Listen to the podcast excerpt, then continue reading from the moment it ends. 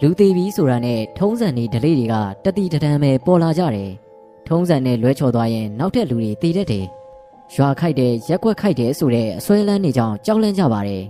ဘသူတူတယောက်ကမှပေါ်တီပေါ်ဆမလုပ်ရဲပါဘူးတေတာနဲ့အလောင်းကိုရီလုံတိုက်ပြရတယ်ရီလုံတိုက်တယ်ဆိုတာရေချိုးတန့်စင်ပေးတာကိုပြောတာပါတစ်ချိန်တည်းမှာပဲငှက်ပြောတုံးတွေကိုအမြန်ခုတ်အလောင်းထားရမယ့်နေရာမှာချအပေါ်ကဝကကြမ်းခင်းဖြာခင်းထားရတယ် ပြီးတာနဲ့အလောင်းကိုအင်ကြီးပြောင်းပြန်ဝစ်ပေးပြီးတော့အပေါ်ကတင်အလောင်းပေါ်ကမှအင်ကြီးတစ်လုံကြီးတစ်ကိုလွှမ်းပေးရတယ်ချီမနှချောင်းကိုပိုးပြီးတော့ခြီရတယ်အလောင်းကောင်ရဲ့ပါဇက်ထဲကိုလည်းအကျွေစည်းတစ်မတ်ကရုခထည့်ပေးရတယ်ဒါတွေကဟိုတုန်းကကြီးလက်ဒေတာတွေမှာပြုတ်လုကြတဲ့အလေးထားတွေပါဒီနေ့ခေတ်မှာတော့မြို့တိုင်းနယ်တိုင်းလိုလိုနာရေးကိုညီမှုအသင်းအဖွဲ့တွေကရှိနေပါပြီ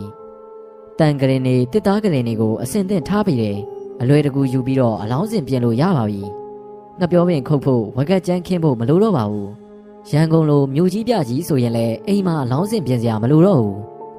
လူသေးတာနဲ့နာရေးကိုညီမှုအသင်းကိုဖုံးဆက်နိဗ္ဗာန်ရင်နဲ့တင်ပြီးတော့တုတ်တန်မှာရှိတဲ့ရေခဲတိုက်ကိုပို့လိုက်တာပါပဲရေဝေးဆိုရေဝေးထိန်မင်ဆိုထိန်မင်ပေါ့ရှိသေးတယ်ဟိုတုန်းကဆိုရင်အလောင်းစင်ကိုပခုံးနဲ့ထမ်းပြီးတော့တုတ်တန်အရောက်ပို့ဆောင်ရတယ်မိတ်ဆွေတင်ကားတွေကအလောင်းနောက်ကလိုက်ပြီးတော့ပို့ရတယ်ဆွေမျိုးသားချင်းတွေကငိုကြွေးမြည်တမ်းပြီးတော့နောက်ကနေလိုက်ကြရတယ် ငိုမဲသူမရှိတဲ့အာတုဘမှာငိုချင်းတွေကိုငှားပြီးတော့ငိုခိုင်းရတယ်နောက်ပြီးအလောင်းစင်ကတုတ်တန်ကိုမရောက်မချင်းထမ်းတဲ့သူတွေကရက်တက်မနေရပါဘူးနှင်းနှင်းဖြစ်ဖြစ်တော့သွားလို့ရတယ်ဒါပေမဲ့လှုပ်နေရပါတယ်အဲ့ဒါကြောင့်အလောင်းကစားတယ်ဆိုတဲ့ဒလီတစ်ခုကပေါ်လာတယ်သုံးရက်နေမှတကြိုတဲ့အတွက်ကြောင့်အလောင်းကဖောက်ပြန်နေပါပြီညိုမဲဖောရောင်ပြီးအရေးတရွှဲရွှဲဖြစ်နေပြီလေလူတီကောင်အပုပ်နဲ့ကလည်းမခံမရက်နိုင်အောင်ကိုထောင်းထောင်းထားနေပါပြီ အဲ့ဒါကြောင့်အလောင်းစင်ထမ်းမဲ့ကာလာသားတွေကိုအရက်တိုက်ထားရတယ်အရက်မူးနေတဲ့ကာလာသားတွေကအလောင်းကစားကြပါတယ်အနောက်ကထမ်းတဲ့သူတွေကရှေ့ကိုအားကုန်ယုံတွန်းရှေ့ကထမ်းတဲ့သူတွေကလည်းအနိုင်မခံအရှုံးမပေးပဲတောင်းခံထားတယ်ပြီးတော့နောက်ကိုပြန်တွန်းတယ်ရှေ့ကပြန်တွန်းတာခံရတော့နောက်ကလူတွေကလည်းပို့ပြီးတော့အားကုန်သုံးပြီးတွန်းပြန်တယ်မူမူယူယူနဲ့အားပြိုင်ပြီးတွန်းနေကြတဲ့လူတွေရဲ့ပခုံးပေါ်မှာအလောင်းစင်ကတော့ပြောင်းဆန်နေပါတယ်သွားနေတဲ့လမ်းကြောင်းကခွာပြီးတော့လမ်းဘေးကြောက်ထဲကျလို့ကြ လဲခွင်းနေတဲ့ကိုရောက်လို့ရောက်အလဲလဲအဖြူဖြူဖြစ်တဲ့အထိကြမ်းကြမ်းတန်းတန်းကိုအလောင်းကစားကြပါတယ်တခါတရံမှာအလောင်းထည့်ထားတဲ့အခေါင်းကြီးကပြုတ်ကျလို့ပြန်ကောက်ထည့်ရတာတောင်ရှိပါသေးတယ်အဲ့ဒါကြောင့်အလောင်းကစားတဲ့သူတွေကိုဩဇာအာဏာရှိတဲ့ရမိရဖတူကဒုတ်ချောင်းတစ်ချောင်းကင်ပြီးတော့တပုံပုံလိုက်ရိုက်ပြီးထိန်းနေရတယ်ဒီလိုရိုင်းနဲ့ထိန်းတာတော့မှထိန်းတဲ့သူကလက်လျှော့ရတဲ့အလှဲ့လည်းရှိတတ်ပါသေးတယ်ဒီလိုပဲအလောင်းမြေမြုပ်ရာမိတကြူရာဂူသွင်းရာ နာရီကိစ္စရဲ့အဆင့်တိုင်းလုပ်ငန်းတိုင်းမှာလွဲချော်လို့မရတဲ့ဒလိထုံးစံတွေအများအပြားရှိနေပါတယ်။တစုံတရာတိမ်ဆောင်လွဲချော်သွားတဲ့အခါမှာလည်းဥပဒံက၆လက်နေတတ်ပါတယ်။လွဲချော်မှုသတင်းစကားတွေကကောလာဟာလာအသွင်မျိုးပြန့်ကားသွားရင်တော့ရက်ရွာတစ်ခုလုံးကြောက်လန့်ခြောက်ချခြင်းကြီးစွာဖြစ်ကြရပါတယ်။ဒီလိုအခြေအနေမှာကြောက်မက်ဖွယ်ရာဖြစ်ရဆိုတွေဇက်တိုက်ဖြစ်လာရင်တော့ဘသူမှရက်ရွာမှာမနေရကြတော့ဘူး။မိမိတို့ရဲ့ရက်ရွာကိုစွန့်ပြီးတော့ထွက်ပြေးတဲ့အထိဖြစ်ကြရပါတယ်။ ဒီဖြစ်ပျက်ဆိုးတွေကအာတုဘကိစ္စမှာတိမ်မလွဲချော်မှုနဲ့ပတ်သက်ပြီးတော့အမှန်တကယ်ပေါ်ပေါက်လာတဲ့အဖြစ်ဆိုးလားဒါမှမဟုတ်ကံအကြောင်းအားလျော်စွာတိုက်ဆိုင်မှုလားဒါကိုတော့ဘယ်သူမှမသိနိုင်ပါဘူးဘလို့ပဲဖြစ်ဖြစ်လွဲချော်လို့မရတဲ့နာယီတလိထုံးစံတွေလူတွေရဲ့ဥပဒံအစွဲလန်းနေနဲ့ကြောက်လန့်ခြောက်ချားစရာကောင်းပေါ်ပေါက်လာတဲ့အဖြစ်ပျက်ဆိုးတွေကတော့တဏီယာမဟုတ်တဏီယာမှာတိုက်တိုက်ဆိုင်ဆိုင်ဖြစ်နေတတ်ပါတယ်မန္တလေးရဲ့အညာတွေကပူလွန်းလာပါတယ် နှစ်တရာအတွင်းမှာအမြင့်ဆုံးအပူချိန်ဆိုတဲ့မိုးလေဝသရဲ့ကြီးညာချက်အတိုင်းတသက်နဲ့တကူမကြုံဘူးတဲ့အပူဒဏ်မျိုးကိုခံစားနေရတယ်။ပူတယ်လီစိနေခဲဆိုတာဒါပဲထင်ပါရဲ့ဗျာ။ကိုမောင်မောင်ကပလတ်စတစ်ရက်တောင်ကိုတစ်ဖြက်ဖြက်ခရင်နဲ့ညှင်းညူလိုက်တယ်။ဟုတ်တယ်ကိုမောင်ကြီးကျုပ်တို့လည်းပွက်ပွက်ဆူနေတဲ့ရင်နွေးရိုးတွေကိုထည့်ပြုတ်တာခံထားရတဲ့အတိုင်းဖြစ်နေရပြီဗျ။တကူလုံးကိုချွေးလီရွှဲနေတာဗျ။ကိုကျော်စောကလည်းကိုမောင်မောင်ရဲ့စကားကိုဖြည့်ဆွတ်ထောက်ခံရင်းနဲ့ပြောလိုက်ပါတယ်။ သူတို့နှစ်ယောက်ညင်းညူမယ်ဆိုရင်လည်းညင်းညူလောက်ပါတယ်ဒီနှစ်မန္တလေးတွေကဘယ်နှစ်နဲ့မှမတူအောင်ကိုပူလွန်းနေတယ်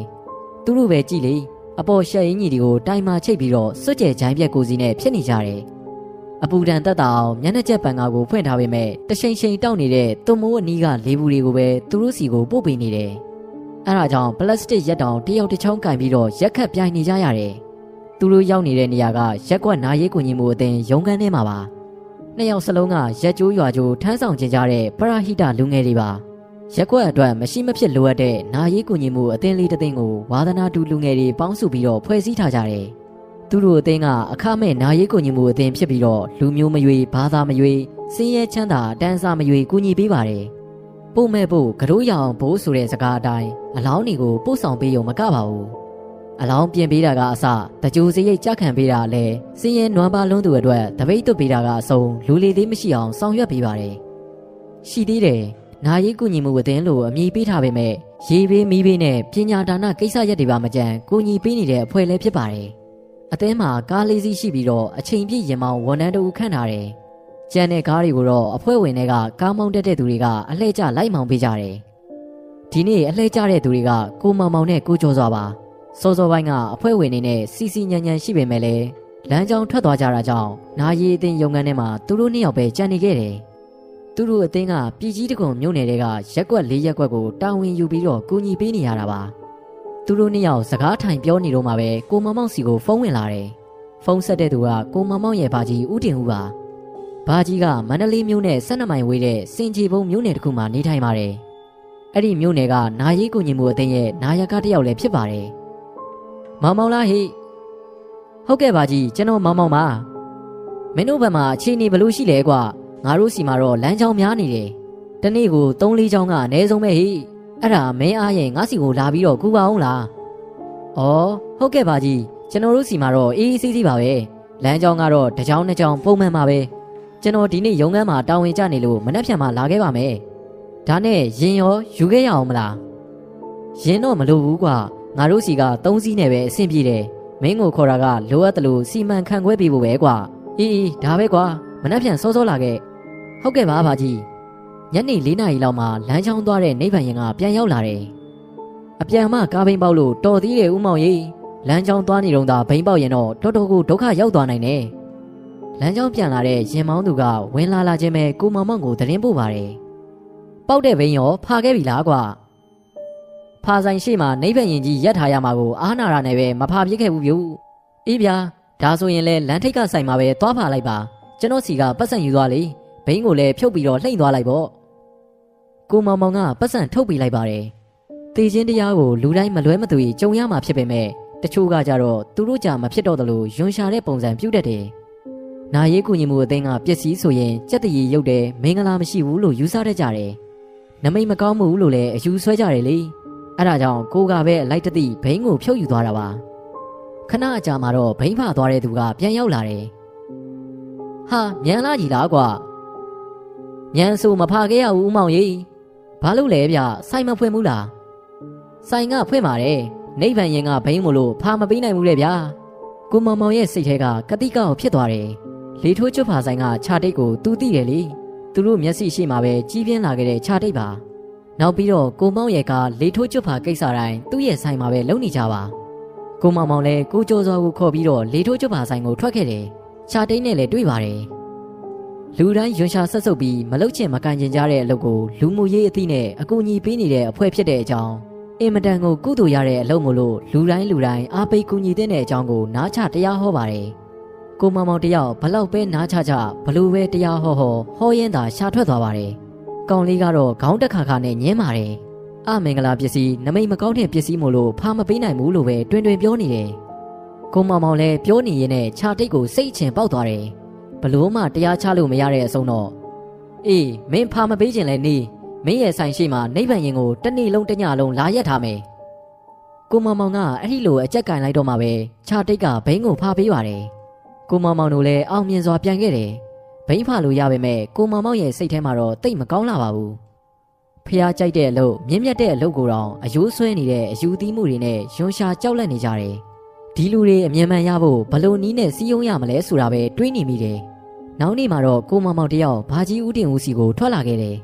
ဘာကြီးနေတဲ့စင်ကြီးဘုံကစင်ရဲသားရက်ွက်တွေများတယ်လေ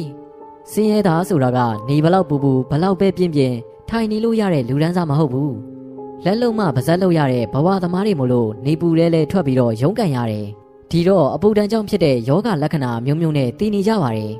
စံချိန်တင်ရတဲ့အပူဒီဂရီကြောင့်လဲတိနှုံးကစံချိန်တင်မြင့်တက်နေတယ်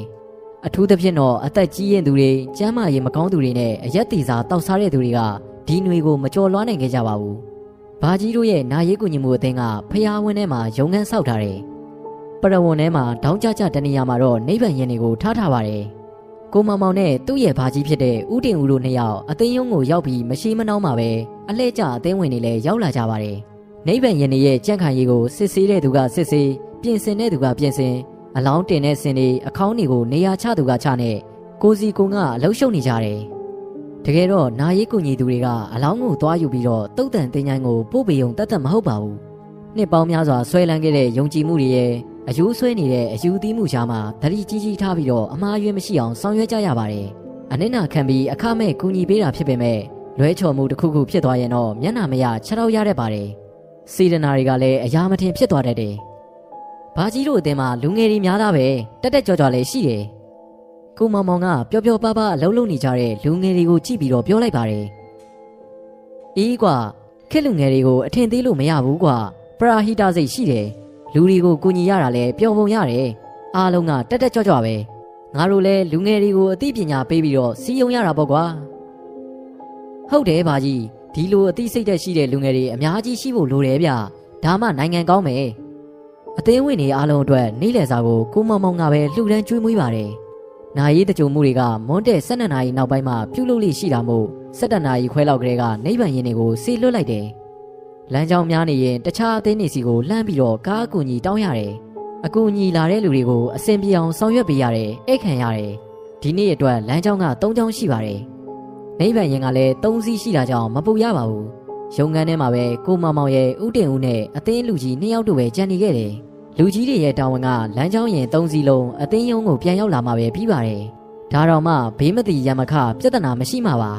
ပြဿနာပေါ်လို့လိုက်ရှင်ရတဲ့အခါတော့နေဝင်မိုးချုံမှအိမ်ပြန်ကြရတယ်ဒီကြားထဲမှာမီးလောင်လို့ရဲအမှုခင်းဖြစ်လို့အလောင်းတဲ့အကူအညီတောင်းလာရင်တော့သွားပြီညနေတကောင်ကြော်ပြီးမိုးလင်းမှပဲအိမ်ကိုပြန်ကြရတယ်ရုံငန်းဖုန်းမြည်တဲ့အတန်ကြောင့်ကိုမောင်မောင်တို့စကားပြောနေတာကိုရက်လိုက်ကြတယ်ဦးတင်ဦးကဖုန်းကိုကောက်ကန်လိုက်ပါတယ်စပီကာခွက်ထဲကထွက်နေတဲ့အတန်ကြောင့်တစ်ဖက်လူရဲ့ပြောတဲ့စကားတွေကိုအားလုံးပဲကြားနေရတယ် နောက်ဆုံးထွက်သွားတဲ့နာရီကားကလမ်းဝင်မှလို့ရက်ွက်ကလူတွေမကြည်မနှက်ဖြစ်ပြီးတော့ဝိုင်းထားတယ်လမ်းကြောင်းလည်းမသွားရသေးဘူးတဲ့အသင်းလူကြီးတွေလာပြီးရှင်းပေးဖို့အကြောင်းကြားတဲ့ဖုန်းမှာလူကြီးနှစ်ယောက်ကိုရုံးမထားခဲ့ပြီးတော့ကိုမောင်မောင်နဲ့ဦးတင်ဦးပဲကိုမောင်မောင်ရဲ့ light track နဲ့ထွက်ခဲ့ကြပါတယ်ရက်ွက်ကမျိုးစုံကစင်းရသားရက်ွက်လေးပါလမ်းတွေကမြေသားလမ်းတွေကျင်းနေချိုင်းနေနဲ့ပြည့်နေတဲ့အပြင်အရန်ကိုကျင်းပါတယ်နိဗ္ဗာန်ရင်ကိုအာတုဘအိမ်ရှိမှာရက်ထားတာတွေ့ရတယ် ရင်မောင်းတဲ့သူနဲ့ကြံတဲ့အဖွဲ့ဝင်တွေကိုတော့မတွေ့ရပါဘူးစုံစမ်းမေးမြန်းကြည့်တော့ရက်ွက်လူကြီးဦးအောင်ထူးရဲ့အိမ်မှာရောက်နေတယ်တဲ့ကိုမောင်မောင်တို့ဆက်လိုက်သွားပါတယ်။ဦးအောင်ထူရဲ့အိမ်ရှိမှာရောအိမ်ရောက်မှာပါလူတွေပြည့်နေနေတယ်။ယောက်ျားတွေရောမိန်းမတွေရောပါ။သူတို့အားလုံးရဲ့မျက်နှာတွေကလည်းတင်းမာနေတယ်။ကိုမောင်မောင်တို့နှစ်ယောက်လည်းအိမ်အပေါ်တက်ကိုတက်သွားကြတယ်။အပေါ်တက်ကအေကန်းမှာလည်းလူတွေပြည့်နေတယ်။အဲ့ဒီလူတွေကြားထဲမှာသူ့ရဲ့လူတွေကိုမျက်နှာညှိုးညှိုးငယ်ငယ်နဲ့တွေ့ရတယ်။ နိဗ္ဗာန်ရင်ကလမ်းရဲ့အထက်ဘက်ကဝင်လာပြီးအလောင်းကိုတင်ပြီးတာနဲ့အောက်ဘက်ကပြန်ထွက်ရမှာလေဗျာ။အဲ့ဒါကိုသူတို့ကအောက်ဘက်ကနေပြောင်းပြန်ဝင်လာတယ်။ထုံးစံကဒီလိုမဟုတ်ဘူးလေ။မဝင်ကောင်းဘူးဗျရက်ွက်နာတတ်တယ်အဲ့ဒါကိုရက်ွက်ကမကြည်မနှက်ဖြစ်နေကြတယ်ဦးအောင်ထူးကကိုမောင်မောင်တို့ကိုရှင်းပြပါတယ်လမ်းတွေကတအားဆိုးတယ်ဗျအဲ့ဒါကြောင့်ကျွန်တော်လဲလွယ်တဲ့ဘက်ကနေဝင်လိုက်မိတာပါနိဗ္ဗာန်ရင်မောင်းတဲ့သူကမျက်နှာငယ်လေးနဲ့ရှင်းပြပါတယ်ဒီလိုကွာ ဒလီထုံးစံမပယ်ကောင်းဘူးဆိုတာမှန်ပါတယ်ရက်ွက်နာတတ်တယ်ဆိုတာလဲငါလက်ခံတယ်ဒါပေမဲ့ငါတို့ကစီဒနာနဲ့ကူညီနေတဲ့ပရာဟိတသမားတွေကွာခရိုင်ရိုင်းပြောရရင်ကိုထမင်းကိုစားကြီးတော်နွားကိုအငှားကြောင်းတဲ့သူတွေကွာမင်းတို့ထဲမှာဒီလိုအလုပ်မျိုးဘယ်သူလုပ်နိုင်လဲကိုရဲ့ရွာအတွက်စီရနာနဲ့လှုပ်ပြီးနေတဲ့သူတွေကိုမင်းတို့ခွင့်လွှတ်လို့မရဘူးလားခွင့်မလွှတ်နိုင်ကြဘူးလားသူ့ရဲ့အဖွဲ့ဝင်တွေအပေါ်ရန်လိုတဲ့အပြုအမူကြောင့်ဘာကြီးဦးတင်ဦးရဲ့အတန်ကတင်းမာနေပါတယ်ကျွန်တော်လည်းပြောပြပါတယ်ဗျာ ကိုရဲ့ကွက်ကိုအကူအညီပေးနေတဲ့သူတွေနောင်လဲရှေ့သဖြင့်ဆက်ဆံရအောင်မဲ့သူတွေဆိုတော့တီးခန့်ပေးကြပါဆိုတာကိုပြောလို့မရဘူးဗျာဦးအောင်ထူးကလေပြေလေးဝင်ထိုးပါတယ်ဟိုဘက်ကပြောလိုက်ဒီဘက်ကပြောလိုက်နဲ့အချိန်ကုန်ုံမဲ့ရှိမယ်ဒီပြဿနာမပြေလည်နိုင်ဘူးဆိုတာကိုမောင်မောင်ကစဉ်းစားမိတယ်အဲ့ဒါကြောင့်ဒီစကားဝိုင်းတဲ့ကိုသူဝင်ဖို့ဆုံးဖြတ်လိုက်ပါတယ်ရှီထုံးကိုလည်းမပယ်နဲ့ဆိုတဲ့စကားအတိုင်းကျွန်တော်တို့လည်းမပယ်ပါဘူးဒါပေမဲ့ပြဿနာကဖြစ်ပြီးသွားပြီလွန်သွားပြီ ဒီလွန်သွားတဲ့ကိစ္စကြောင့်ရက်ွက်မနာအောင်လုပ်ကြရမယ်ဒီကိစ္စမျိုးတွေကကျွန်တော်တို့အသင်းကမကြာခဏကြုံမှုပါတယ်ဒီလိုကြုံရတိုင်းရွာတော်ရှင်နဲ့ကိုတောင်းပန်ပြီးတော့ပူဇော်ပါတာပေးရတယ်ဒီလိုလုပ်ပေးရင်အပြစ်တွေပြေပြောက်ငြိမ်းသွားပါတယ်ဒီကိစ္စကိုကျွန်တော်တို့ကပဲတာဝန်ယူပြီးတော့ဆောင်ရွက်ပေးပါမယ်စိတ်ချလက်ချတာနေပါဗျာခမရတို့ရက်ရွာဘာမှမဖြစ်စီရပါဘူးအဲတခုတော့ရှိတယ်ဒီနေ့တော့အချိန်မရတော့ဘူးဗျအာတုကလည်းပို့ပေးရအောင်မယ်ဒါကြောင့်မနှက်ဖြန်မှာဆက်ဆက်လာပြီးတော့ဆောင်ရွက်ပေးပါမယ် ကြည်နေကြပါတော့ကိုမောင်မောင်ကရှင်းပြပြီးတော့ဂရီပေးလိုက်ပါတယ်ကဲဟိရက်ကွက်မနာအောင်မနှက်ပြန်လာလုပ်ပေးမယ်တဲ့အားလုံးကြည်နေကြတော့သွားကြသွားကြကိုယ့်အိမ်ကိုပြန်ကြတော့ဦးအောင်ထူကရက်ကွက်ထဲကလူတွေကိုပြန်ခန်းလိုက်ပါတယ်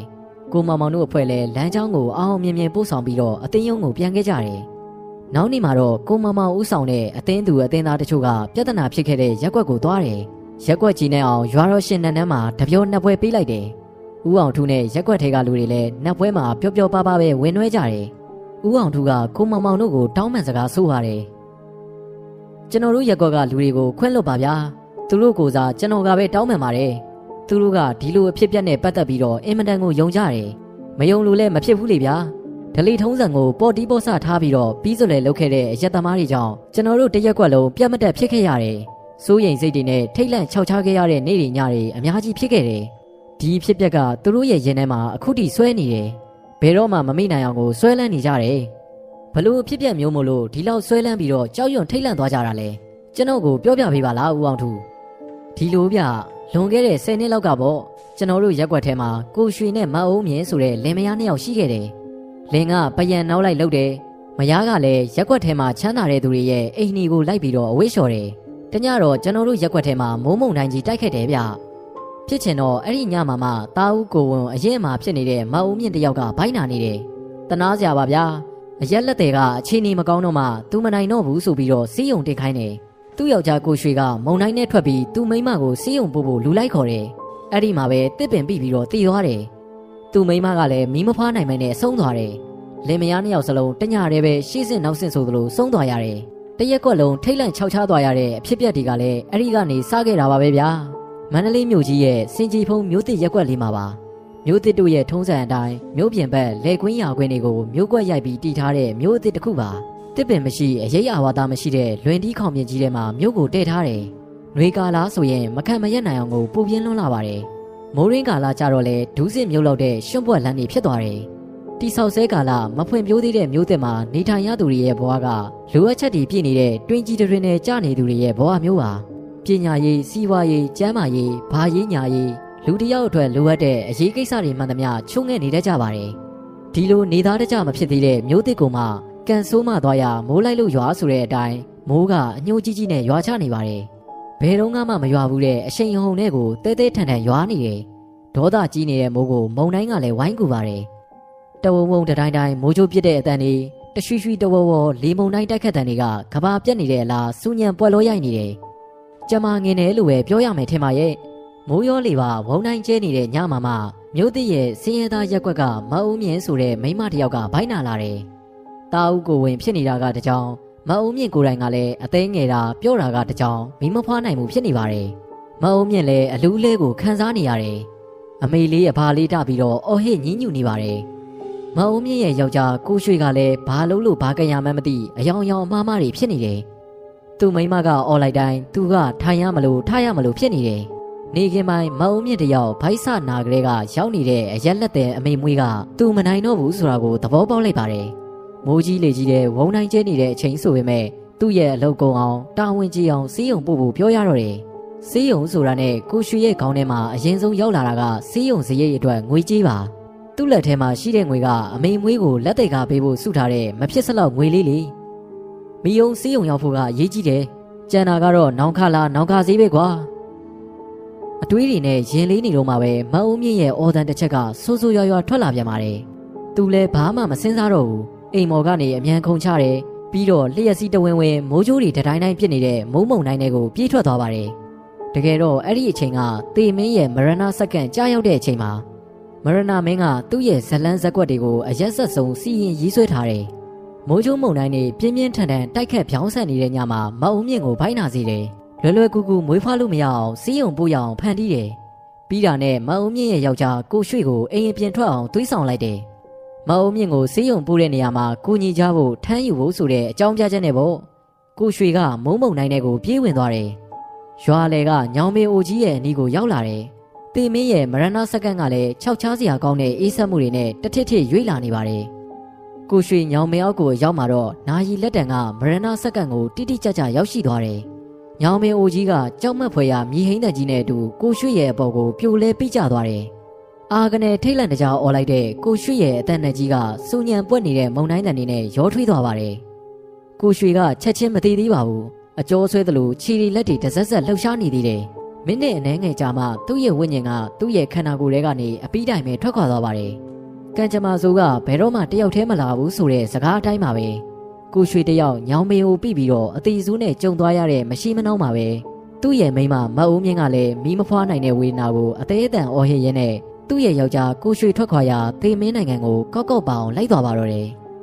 ကိုရွှေတို့လင်မယားနှစ်ယောက်ရဲ့အလောင်းတွေကိုခြံရဲ့အပြင်ဘက်မှာထားတယ်လေးတိုင်စင်နှစ်ခုလုပ်ပြီးတော့အလောင်းထည့်ထားတဲ့အခေါင်းတွေကိုတင်ထားပါတယ်မုံတိုင်းဆဲသွားပေမဲ့မိုးကတော့အဆက်မပြတ်ရွာနေတော့မှာ အဲ့ဒါကြောင့်အခေါင်းတွေပေါ်မှာဖြာချမ်းတစ်ချက်စီအုပ်ပေးထားတယ်သူတို့တည်တဲ့ညကတဲတဲထန်ထန်ရွာသွန်းခဲ့တဲ့မိုးမုံတိုင်းကြောင့်ရောနောက်ရက်ဒီပါအညှိုးမပြေပဲနဲ့ဇက်တက်ရွာနေတဲ့မိုးကြောင်မှာရက်ကွက်တစ်ခုလုံးရီရီကြီးနေပါတယ်ပဲ့မြောင်းလဲမြောင်းမှန်သမျှကဒလက်ဟောစီးဆင်းလာတဲ့ရေတွေကလည်းသူတို့ရဲ့ရက်ကွက်လေးကိုပဲဥတိုက်ပြီးတော့ဝင်လာကြတယ်မျိုးတစ်တဲပြီးကလေးကမကြုံဘူးအောင်ဖြစ်တဲ့ရေကြီးရေရှမ်းမှုကိုခံနေရပါတယ်ရက်ကွက်ထဲမှာလမ်းဒီပေါ်မှာခါလောက်ပေါင်လောက်ရေတွေရောက်လာတယ် ဒီနှစ်မှဖြစ်တဲ့ရေကြီးမှုကြောင့်အနေပိုင်းရက်ကွက်ကလူနေအိမ်တချို့ရေမြုပ်သွားတယ်ရေဘေးဒုက္ခတွေကိုရက်ကွက်ထိတ်ကုန်းမြင့်ပေါ်ကဘုံကြီးကျောင်းမှာဒုက္ခသည်စခန်းဖွင့်ပြီးတော့ကူညီထောက်ပံ့ကြတယ်။ရေဘေးလွတ်တဲ့ရက်ကွက်တွေကထမင်းတုပ်တွေပို့ပေးတယ်။ဒီလိုတဘာဝဘေးရနေရဲ့ကြားရောက်တဲ့ကာလာဇိုးမှာမှကိုရွှေနဲ့မအုံမြင့်တို့ရဲ့နှလောင်းပြိုင်အတုပကပြက်ပေါ်လာတာပါ။သုံးရက်မြောက်နေ့မှာတော့အလောင်းတွေကိုတကြိုဖို့ကိစ္စဆောင်ရွက်ကြရတယ်။ခြေကင်းလက်ခင်တာယာတဲ့အချိန်ကြီးကတော့ထုံးစံအတိုင်းပဲအလောင်းတွေကိုအိမ်ကတည်သွား တုတ်တန်မှာတရဏဂုံတင်ပြီးတော့တရားနာမြေမြုပ်ချင်မြုပ်မီးတကြိုချင်ရင်မီးတကြိုဒါမှမဟုတ်ဂူသွင်းချင်ရင်လည်းသွင်းအေးအေးဆေးဆေးဆောင်ရွက်လို့ရပါတယ်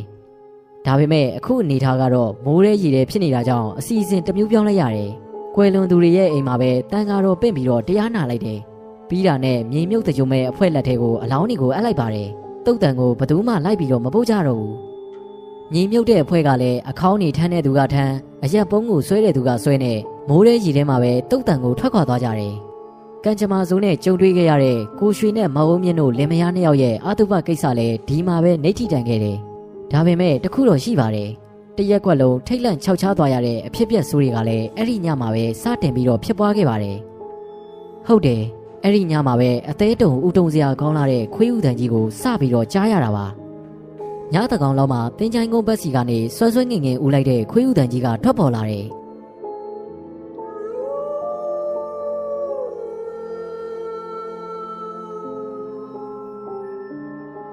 ထူးခြားတဲ့ခွေးဥတန်ကြီးကြောင့်တက်ကြီးရွယ်ကိုတချို့လဲလန့်ပြီးတော့နိုးလာတယ်။ခွေးဥတန်တွေကဘုံကြီးကျောင်းနေမှာကြေးစီတီးတဲ့အခါဥကြတဲ့တာရုခေါ်တဲ့ခွေးဥတန်မျိုးမဟုတ်ပါဘူး။ကြက်သိမ်းမွေးညင်းထောင်လက်ပြငယ်အောင်ကြောက်စိတ်ဖြစ်စီတဲ့ခွေးဥတန်ကြီးပါ။ကြက်တရင်မရှိတဲ့ခွေးဥတန်ကြီးလို့လဲတန်းပြီးတော့တိလိုက်ကြတယ်။အဆက်မပြတ်ဦးနေတဲ့ခွေးဥတန်ကြီးကပို့ပို့ပြီးတော့ကျေလောင်းလာပါတယ်။ရက်ကွက်နဲ့လဲတဖြည်းဖြည်းနီးလာတယ်။ တိတ်မကြခင်မှာပဲရေထဲမှာတစွတ်စွတ်နင်းလာတဲ့ခြေတံနဲ့အတူခွေးနဲ့ကြီးတစ်ကောင်ကရက်ွက်ထဲဝင်လာတာကိုတွေ့လိုက်ရတယ်။ခွေးနဲ့ကြီးကတာမန်ခွေးတွေထက်နှစ်ဆသုံးဆလောက်ကိုလုံးကိုယ်တည်းကြီးမားတယ်။ခွေးနဲ့ကြီးဥပြီးဝင်လာတာနဲ့ရက်ွက်ထဲကခွေးတွေကဝိုင်းပြီးတော့ဟောင်ကြတယ်။ခွေးဥတန်ခွေးဟောင်တန်နေနဲ့တရက်ွက်လုံးကိုစူညံနေပါတယ်။ရက်ွက်ခွေးတွေဘလောက်ပဲဟောင်ဟောင်ခွေးနဲ့ကြီးကတော့ဂယုမဆိုင်ပါဘူး။ဥမြဲပဲဥနေတယ်။ရီဒီကိုတဆွတ်ဆွတ်နင်းပြီးတော့သွားမြဲသွားနေတယ်။ အမင်္ဂလာခွေးဥတန်ကြီးကြောင့်အသေးတုံဥတုံဖြစ်နေကြတဲ့သူတွေကအချိန်အနှဲငယ်တွင်းမှာပဲပုံမိုကြောက်လန့်ခြောက်ခြားစရာကောင်းတဲ့အဖြစ်ပြက်နဲ့ထပ်မံရင်ဆိုင်တွေးမြင်ကြရပါတယ်။ခွေးနဲ့ကြီးလွန်သွားပြီးမရှိမနှောင်းမှာပဲရေဒီဘွက်တွေကိုတစွတ်စွတ်နင်းပြီးသွားနေတဲ့လူနဲ့တူတဲ့မဲမဲတရံတစ်ခုကိုတွေးကြရတယ်။အဲ့ဒီအချိန်ကကောင်းကင်ပေါ်မှာမိုးသားအနေချင်းရှိပေမဲ့မိုးကတော့ရွာမနေပါဘူး။မုံမုံမွားမွားကျဲလေးတချို့ကလည်းဟိုတပွင့်ဒီတပွင့်တစ်ဖြက်ဖြက်လင်းနေကြတယ်။ မဲမဲတရံတစ်ခုကိုဘသူပဲဝါလို့ထင်းထင်းရှားရှားမမြင်ရပေမဲ့ယောက်ျားတစ်ယောက်နဲ့မိန်းမတစ်ယောက်ဆိုတာကိုတော့တဲတဲကွဲကွဲတွေးကြရတယ်။ခွေးနဲ့ကြီးဝင်လာတော့ကလှန့်မရဟန့်မရတရက်ကွက်လုံးစူညံပွက်အောင်ထိုးအောင်နေတဲ့ခွေးတွေကမဲမဲတရံယောက်ျားနဲ့မိန်းမကိုမြင်တော့ဟောင်းတော့မဟောင်းရဲကြပါဘူး။တီအတန်ပေးပြီးတော့အမိကုတ်ပြီးအိမ်ရောက်ထဲဂျောင်ထဲကိုတိုးဝင်လို့ကြောက်ရွံ့နေကြတာကိုအန်ဟောစရာတွေးလိုက်ရတယ်။မဲမဲတရံတစ်ခုကရေဘွက်တွေကိုတစွတ်စွတ်နင်းသွားပြီးတော့ရက်ွက်ရဲ့တစ်ဖက်အစွန်းမှာပျောက်ကွယ်သွားပါတယ်။ မနက်လင်းချိန်မှာတော့ညကထူးထူးဆန်းဆန်းရက်ွက်ထဲဝင်လာတဲ့ခွေးနဲ့ကြီးနဲ့မဲမဲတရံယောက်ျားနဲ့မိန်းမတို့ရဲ့အကြောင်းတွေကလူတိုင်းရဲ့ပါဇက်ပြားမှာပြောစရာသတင်းစကားဖြစ်သွားတယ်။တစ်ချိန်တည်းမှာပဲအဲ့ဒီမဲမဲတရံစုံတွဲကတည်သွားတဲ့ကိုရွှေနဲ့မအုံမြင့်တို့ဖြစ်တယ်ဆိုတဲ့ကောလာဟာလာကလည်းတဆင့်စကားတဆင့်နားနဲ့ကြီးထွားသွားပါတယ်။ဒီကိစ္စကြောင့်တရက်ွက်လုံးခြောက်ချားနေချိန်မှာပဲထိတ်လန့်စရာနောက်တစ်ခုကထပ်ပြီးတော့ပေါ်လာတယ်။ အဲ့ဒါကတော့အနောက်ဖျားကဦးထွန်းတယောက်အကောင်းပကတိကြီးကနေရုတ်တရက်လဲကျပြီးတော့တိတ်ဆုံးသွားတဲ့ဖြစ်ရကြောင်ပါတကယ်တော့ဒီရက်ကွက်ကလူတယောက်တည်ရင်သုံးလုံးပြည့်မှရက်တယ်လို့အယူအဆရှိပါတယ်ကိုရွှေတို့လင်မယားသေးတော့မအုံမြင့်ဘိုက်ထဲကကလေးကိုပါထည့်တွက်ပြီးသုံးလုံးပြည့်ပြီးတချီတဲနဲ့ကျင်းကြည့်သွားပြီဆိုပြီးတော့တတ်မှတ်ထားကြပါတယ်အခုတော့ကိုရွှေတို့လင်မယားအတွက်ရက်လက်စွန်းတော့မှမတွေ့ရသေးပါဘူးနောက်ထပ်တစ်လောင်းသေးပြန်ပြီလေညကလည်းခွေးနဲ့ကြီးတကောင်ကအိုပြီးတော့ထူးထူးခြားခြားရက်ွက်တွေကိုဝင်လာတယ် ယောက်ျားနဲ့မိန်းမမဲမဲတရံနှစ်ခုကလည်းရွာထဲကိုဝင်လာတယ်ဒီမကောင်းဆိုးဝါးတွေကများဥထုံးကိုတေမင်းနိုင်ငံခေါ်သွားတာလားဆိုတဲ့တန်တရားတွေဝင်လာကြပါတယ်ဒါပေမဲ့အခြေအနေကဒီလောက်နဲ့ရက်တန့်မသွားဘူးဥထုံးတည်တဲ့ညမှာကြောက်စရာဦးတန်ကြီးနဲ့အတူခွေးနဲ့ကြီးကရွာထဲကိုဝင်လာပြန်ပါတယ်မဲမဲတရံမကောင်းဆိုးဝါးနှစ်ကောင်ကိုလည်းထပ်ပြီးတော့တွေးကြရတယ်ဒီလိုတွေ့ပြီးနောက်တစ်နေ့နက်နက်လင်းအားကြီးအချိန်မှာပဲအသက်15နှစ်အရွယ်မိန်းကလေးတစ်ယောက်ကစုံပါသွားပြန်တယ်။ အခြေအနေကဘယ်တော့မှမကြုံဘူးတဲ့အခြေအနေမျိုးဖြစ်နေပါပြီ။ထိတ်လန့်ခြောက်ခြားစရာလည်းအလွန်ကိုကောင်းနေပြီ။ကိုရွှေကတစ်ပင်ပြီးပြီးတော့တည်တယ်။တညာထဲမှာပဲကိုရွှေရဲ့မိန်းမအုံးမြင့်ကလည်းမီးမဖွားနိုင်လို့တည်ပြန်တယ်။တည်ချင်းတရားဆိုတာပရိသေတွေနေကလေးကပါပြီးသားပါ။ကုသိုလ်ကံအကုသိုလ်ကံတွေရဲ့အကြောင်းအကျိုးဆက်ဆက်မှုကနေတတ်မှတ်ထားတာဘယ်သူမှပြုပြင်ပြောင်းလဲလို့မရပါဘူး။ကိုရွှေတို့လင်မယားတိတ်ဆုံးသွားကြတာလဲကံအကြောင်းတရားကြောင့်ဖြစ်တဲ့ကိစ္စလို့ရှုမြင်နိုင်ပါတယ်။ ဒါပေမဲ့ထူးဆန်းတာကသူတို့လင်မယားကိုတကြိုပြီးတဲ့ညမှာပဲခွေးနဲ့ကြီးတကောင်နဲ့မကောင်းဆိုးဝါးတွေကရက်ွက်ထဲဝင်လာတယ်။နောက်တနေ့မှာဦးထွန်းသေးတယ်။နောက်ညမှာလဲခွေးဥတန်ကြီးကိုကြားရပြန်တယ်။ပြီးတော့ခွေးနဲ့ကြီးနဲ့နာနာဘာဝတွေကရွာလေးကိုထပ်ပြီးဝင်လာတယ်။နောက်နေ့မှာကောင်မလေးတယောက်ထပ်ပြီးတော့သေးတယ်။ပို့ဆိုးတာကခွေးနဲ့ကြီးရဲ့ဥတန်ကဒီလောက်နဲ့ရက်တက်မသွားပါဘူး။နေ့စဉ်ရက်ဆက်ဆိုသလိုရောက်လာတယ်။ခွေးနဲ့ကြီးကရက်ွက်ထဲဝင်တိုင်းမကောင်းဆိုးဝါမဲမဲအကောင်ကြီးနှစ်ကောင်ကလည်းနောက်ကနေပါလာစမြဲပါ လူတွေကလည်းနေတိုင်းတစ်နေ့တစ်ယောက်နှုံးနဲ့တည်နေကြတယ်စုစုပေါင်းခုနှစ်လောင်းရှိသွားပါပြီမကြုံစဘူးထူးဆန်းတဲ့ဖြစ်ရစုတွေကြောင့်လူတွေလည်းထိတ်လန့်လာကြတယ်ခြောက်ချားလာကြတယ်ရေကြားမြေကြားရက်ွက်ချရင်ကံကြမ္မာစိုးရီရဲ့စက်ကွင်းကလွတ်တယ်ဆိုတဲ့အယူအဆကြောင့်တချို့မိသားစုတွေကတခြားရက်ွက်ကိုပြောင်းရွှေ့သွားတဲ့အထိဖြစ်လာတယ်ရက်ွက်ထဲကလမ်းစုံလမ်းကွာတွေမှာပရိတရားနာကြကြတယ်တန်ပုံတီးပြီးတော့မကောင်းဆိုးကားတွေကိုနှင်ထုတ်ကြတယ်။ဒါပေမဲ့ဘလို့ပဲလုပ်လို့အခြေအနေကပိုပြီးတော့ဆိုးလာပါတယ်။ လူတွေရဲ့အကြောက်တရားကလည်းတစားတက်တစားပိုပြီးတော့ကြီးထွားလာတယ်။အဲ့ဒီအချိန်မှာကောလာဟာလသတင်းစကားတစ်ခုကထွက်ပေါ်လာတယ်။ဒီလိုမျိုးအမင်္ဂလာကံကြမ္မာစိုးတွေဖြစ်နေတာကကိုရွှေတို့လင်မယားနှစ်ယောက်ရဲ့အလောင်းနှလောင်းကိုကျင်းတချင်းထဲမှာထပ်ပြီးတော့မြုပ်ခဲ့လို့ဖြစ်တယ်ဆိုတဲ့သတင်းစကားပါ။ကျေပြန့်လာတဲ့ဒီသတင်းစကားကြောင့်သတင်းကိုမှန်မှန်မှန်စုံစမ်းနေရက်ွက်လူကြီးတွေကအလောင်းမြုပ်တဲ့သူတွေကိုခေါ်ပြီးတော့စစ်မိပါတယ်။ဒီတော့မှပဲအဖြေမှန်ကပေါ်လာတယ် ကာလာသားတွေကကိုရွှေရဲ့အလောင်းထည့်ထားတဲ့အခေါင်းနဲ့မအောင်မြင့်အလောင်းထည့်ထားတဲ့အခေါင်းတွေကိုထမ်းပြီးတော့တင်းချိုင်းကုန်းကိုယူလာကြတယ်အဲ့ဒီနေ့ကတင်းချိုင်းကုန်းမှာလည်းရေတွေကပြည့်ရှံနေပါတယ်မြေမြုပ်ထားတဲ့အခေါင်းချို့ဆိုရင်ဖို့ထားတဲ့မြေကြီးတွေတောင်ရေပျော်ကျသွားပါပြီကျင်းထဲကိုလည်းရေတွေဝင်လာတာကြောင့်အခေါင်းကကျင်းနှခမ်းဝထိတက်လာပြီးတော့ဘောလုံးမျောနေတယ်ကာလာသားအုပ်စုကကိုရွှေတို့လင်မယားနှစ်ယောက်ရဲ့အလောင်းတွေကိုမြုပ်ဖို့နေရာရှာပါတယ်ကံအားလျော်စွာပဲပေါက်ပင်ကြီးတစ်ပင်အောက်မှာရေမမြုပ်သေးတဲ့ကုန်းကမူလေးကိုတွေးလိုက်ရတယ်။ ပထမဆုံးအရက်ပုံးကိုအလဲမှာတည်ပြီးတော့တောက်စားကြတယ်။တောက်စားပြီးတော့အခေါင်းနေမြုပ်ဖို့ကျင်းတူးကြပါတယ်။ကျင်းကလည်းနင်းနေနဲ့တာနဲ့ရေကြီးစိတ်ပြီးတော့ဝင်းလာတယ်။မြေကြီးတွေကရွှွန်စည်းတုံးတွေဖြစ်သွားတယ်။ရေတွေခတ်ထုတ်လိုက်တူးလိုက်ပေါက်တူးပေါက်ပြားမှကတ်နေတဲ့ရွှွန်တွေကိုခွာပြစ်လိုက်နဲ့တော်တော်ကိုခက်ခက်ခဲခဲတူးကြရတယ်။ဒီလိုနဲ့နောက်ဆုံးမှာတော့သူတို့အချင်းချင်းတိုင်ပင်ပြီးကျင်းကိုတခြင်းနဲ့ပဲတူးလိုက်တယ်။နောက်တည်တဲ့လူအရင်ချလို့ပြောပြီးတော့မအုံးမြင့်လောင်းထည့်ထားတဲ့အခေါင်းကိုကျင်းထဲကိုရင်ချပါတယ်။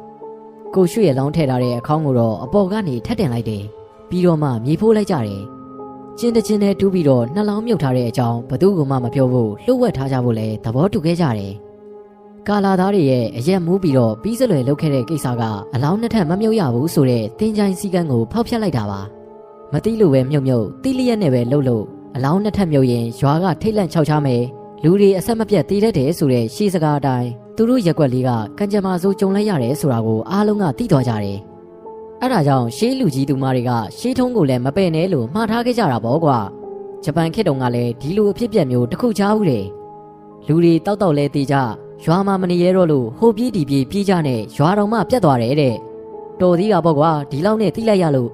နောက်ကြမှသိရင်ငါတို့ရက်ွက်လဲရက်ွက်ပြက်ဖြစ်သွားမှာအေကံမုတ်ချပဲကွာ။ရွာလူကြီးကကာလာသားတွေကိုစူးစူးဆဲဆဲနဲ့စုံမပါတယ်။ ပြီးတော့ရမိရက်ဖတွေနားလေတဲ့သူတွေနဲ့တိုင်ပင်ပြီးတော့တင်းချိုင်းကုန်းကိုသွားပါတယ်။တင်းချိုင်းရှင်မမဖဲဝါကိုကြော်ဝဲနဲ့တောင်းပန်တယ်။ကိုရွှေတို့လင်မယားမြုပ်ထားတဲ့ကျင်းကိုပြန်ဖော်ပြီးတော့ဘေးချင်းရှင်လျက်တချင်းစီမြုပ်ပေးလိုက်တယ်ပြီးတော့ရွာတော်ရှင်နန်းနန်းမှလည်းနှက်ကနာပြီးပြီးတော့ရက်ွက်ကိုပြန်အပ်ရတယ်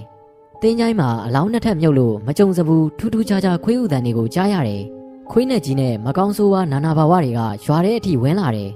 နေ့စဉ်ရက်ဆက်ဆိုသလိုလူတွေကလည်းတယောက်ပြီးတယောက်သေးနေတယ် ဒီကိစ္စနဲ့ပတ်သက်ပြီးတော့တိုက်ဆိုင်မှုတစ်ခုလို့သတ်မှတ်ပြီးမယုံကြည်သူတွေလည်းရှိကြပေမဲ့အများစုကတော့ယုံကြည်ကြလက်ခံကြပါတယ်။နောက်နောက်မှာလည်းအတုပကိစ္စတွေနဲ့ပတ်သက်လာရင်လွဲချော်မှားယွင်းမှုမရှိဖို့ဂယုတစိုက်ဆောင်ရွက်လာကြတယ်။ဘာကြောင့်လဲဆိုတော့ရွာလူကြီးနဲ့နားလေတက်ကြွတဲ့သူတွေကတောင်းပန်စရာရှိတာတောင်းပန်တိုးရှိုးပြီးတော့အလောင်းနှစ်ထပ်ကိုဖယ်ရှားလိုက်တဲ့အချိန်ကစပြီးခွေးနဲ့ကြီးနဲ့မကောင်းဆိုးဝါးတွေဝင်လာတာမျိုးမရှိတော့ပဲရက်ွက်ကလည်းထိတ်လန့်ခြောက်ခြားမှုတွေကင်းပြောက်သွားတယ်။ပုံမှန်အခြေအနေကိုပြန်လည်ပြီးတော့ရောက်ရှိသွားခဲ့တယ်။ အဖြစ်ပြက်ကတော့အဲ့ဒါပဲဦးမောင်မောင်ရဲ့ထိတ်လန့်ခြောက်ခြားစရာဖြစ်ဆိုးတွေကိုသူတို့ကကိုယ်တိုင်ကြုံတွေ့ခဲ့ကြရတယ်။ဒီလိုဖြစ်ဆိုးတွေကိုနောက်တစ်ကြိမ်ထပ်ဖြစ်လာမှသူတို့ကတိတ်ကြောက်တယ်ဗျ။အဲ့ဒါကြောင့်ပါဗျာ။ရက်ွက်လူကြီးဦးအောင်ထူးကသူ့ရဲ့ဇက်လန်းကိုညီကုန်းချုပ်လိုက်ပါတယ်။နတ်ပွဲပေးတဲ့ကိစ္စအလုံးဆောင်ရွက်ပြီးတော့ကိုမောင်မောင်တို့အဖွဲ့ကလည်းအသိယုံကိုပြန်လာခဲ့ကြတယ်။လူသေးပြီးဆိုတာနဲ့ထုံးစံနေဒလေးတွေကတတိတတန်းကြီးပေါ်လာကြတယ်။ အတုပကိစ္စဆောင်ရွက်တဲ့နေရာမှာလွဲချော်လို့မရတဲ့ဒလိထုံးစံတွေကအများအပြားကိုရှိနေပါတယ်။တစုံတစ်ခုတိမ်ဆောင်လွဲချော်သွားတာနဲ့ဥပတ်တံအဆွဲက၆လက်နေတတ်ကြတယ်။ဒီအဆွဲတွေကိုယုံသည်ဖြစ်စေမယုံသည်ဖြစ်စေဒီဥပတ်တံတွေကိုကြောက်သည်ဖြစ်စေမကြောက်သည်ဖြစ်စေတလေးတစားအလေးထားပြီးဆောင်ရွက်မှာပဲသူတို့ရဲ့ပရဟိတလုပ်ငန်းကြီးကချောမွေအောင်မြင်မယ်ဆိုတာကိုတော့ကိုမောင်မောင်တယောက်စဉ်းစားတွေးတောနေမိပါတော့တယ်